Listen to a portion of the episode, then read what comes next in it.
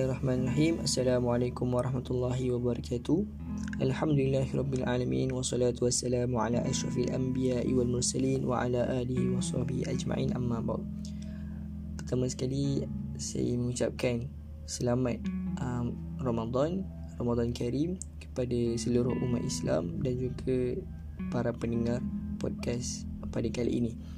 Baik, sebenarnya dengan bulan Ramadan ini kita dilazimi dengan melakukan segala um, ataupun memperbanyakkan amal ibadah dan juga memperbanyakkan amal jariah. Ha. Sebagai contoh, kita dilazimi dengan membaca Al-Quran dan juga memberi makanan kepada orang-orang yang memerlukan lah ataupun orang-orang yang susah. Dan juga kita juga uh, digalakkan untuk belanja kawan kita sendiri. Uh. Jadi uh, itu yang biasa kita dengar. Dan bila malam hari kita digalakkan untuk bangun malam melakukan ibadah. Ha, jadi bila kita bangun malam tu kita perlulah ambil kesempatan untuk kita melakukan taubat atau kita bertaubat kepada Allah Subhanahu taala. Jadi topik podcast pada kali ini adalah taubat. Ha, InsyaAllah saya akan berkongsi tentang taubat. Pertama sekali saya akan berkongsi tentang takrif taubat. Tarikh taubat bila kita lihat pada tarikh bahasa daripada bahasa Arab itu ar-ruju' yang membawa maksud kembali. Dari segi istilah pula adalah kembali kepada Allah Subhanahu Wa Taala dan meninggalkan segala maksiat serta menyesal atas segala perbuatan tersebut dan berusaha untuk meninggalkannya dan tidak mengulanginya. Ha. Jadi apa yang dapat kita faham melalui takrif ini adalah kita kembali kepada Allah setelah kita melakukan dosa. Ha. Sebab apa? Bila mana kita melakukan dosa ini, kita akan jauh daripada Allah Subhanahu taala.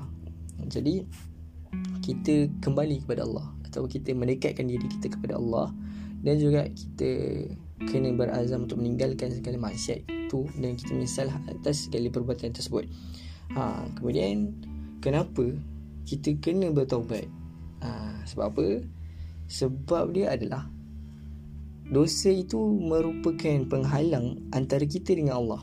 Ha, jadi bila mana kita melakukan amal ibadah ataupun bila kita dah banyak sangat buat amal ibadah tetapi kita tidak bertaubat kepada Allah SWT dia akan menjadi penghalang antara kita dengan Allah.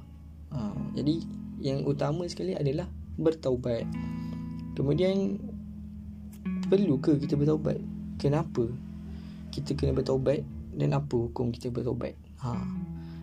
Kenapa kita perlu bertaubat lah Sebab tadilah Dosa itu merupakan penghalang Antara kita dengan Allah Dan Hukum kepada bertaubat ini Kita boleh lihat kepada Firman Allah Subhanahu Wa Taala A'udzu billahi minasyaitonir rajim Watubu ilallahi jami'an ayyuhal mu'minuna la'allakum tuflihun. Maksudnya Dan bertaubatlah kamu sekalian orang-orang yang beriman Supaya kamu beruntung. Surah An-Nur ayat 24 Jadi kita tengok kepada perkataan Tubu. Tubu ini adalah fi'il amar. Ha, Bila mana datangnya fi'il amar Ataupun perintah daripada Allah Subhanahu Wa Taala maka hukum kepada sesuatu itu adalah wajib. Jadi uh, dilihat kat sini tubuh bertaubatlah. Ia adalah perintah daripada Allah Subhanahu taala, maka hukum bertaubat di sini adalah wajib. Uh, maka kita perlulah bertaubat kepada Allah Subhanahu taala. Dan juga apabila seseorang hamba itu um, bertaubat kepada Allah, insya-Allah Allah akan mengampunkan segala dosa hamba-Nya hmm.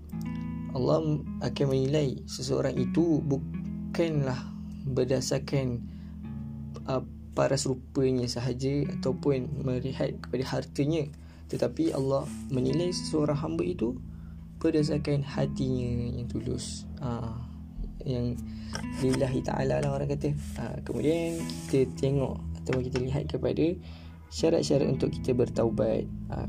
Syarat-syarat bertaubat ni kita boleh dapat daripada tarif tu sendiri lah.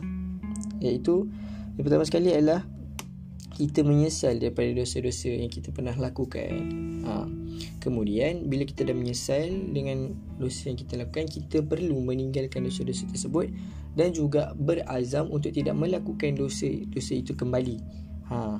Dan juga syarat yang paling penting adalah kita perlu bertaubat sebelum tamat tempoh. Ha.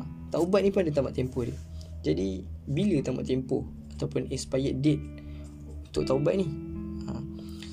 tamat tempoh untuk taubat ni adalah bila mana uh, seseorang itu berada di ambang kematian ataupun sakaratul maut.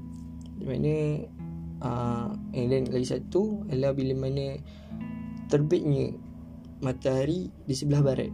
Uh, dalam dua keadaan ini pintu taubat akan ditutup. Jadi uh, kita perlulah segera untuk bertaubat sebelum tibanya waktu itu. Uh, sebelum pintu taubat itu ditutup lah. Uh, kemudian taubat ni uh, bila mana dosa itu dilakukan sesama manusia maka ia perlu diselesaikan sesama manusia.